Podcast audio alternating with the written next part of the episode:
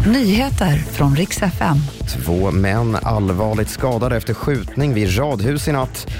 Och arbetsgivarna drar i handbromsen. Allt färre söker personal. God morgon. Vi ska börja i Salem i södra Stockholm där två män fick föras till sjukhus i natt med allvarliga skador efter en skjutning. Larmet kom strax efter midnatt och männen hittades i och i närheten av ett radhus. Under natten har polisen knackat dörr i området och förhört vittnen men ingen har ännu gripits.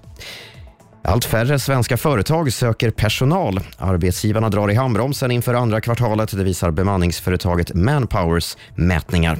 Och av alla 40 undersökta länder så står Sverige för den mest dramatiska minskningen. Störst är inbromsningen inom finans, fastigheter och IT. Däremot så ser det bättre ut inom vården och transportbranschen. Och sist ska jag berätta att festivalen Summerburst ställer in sommarens evenemang på Ullevi i Göteborg. 2-3 juni skulle Summerburst ha gått av stapeln, men nu säger arrangören Live Nation att man ska fokusera på andra festivaler istället. Och alla som har hunnit köpa biljett kommer att återbetalas.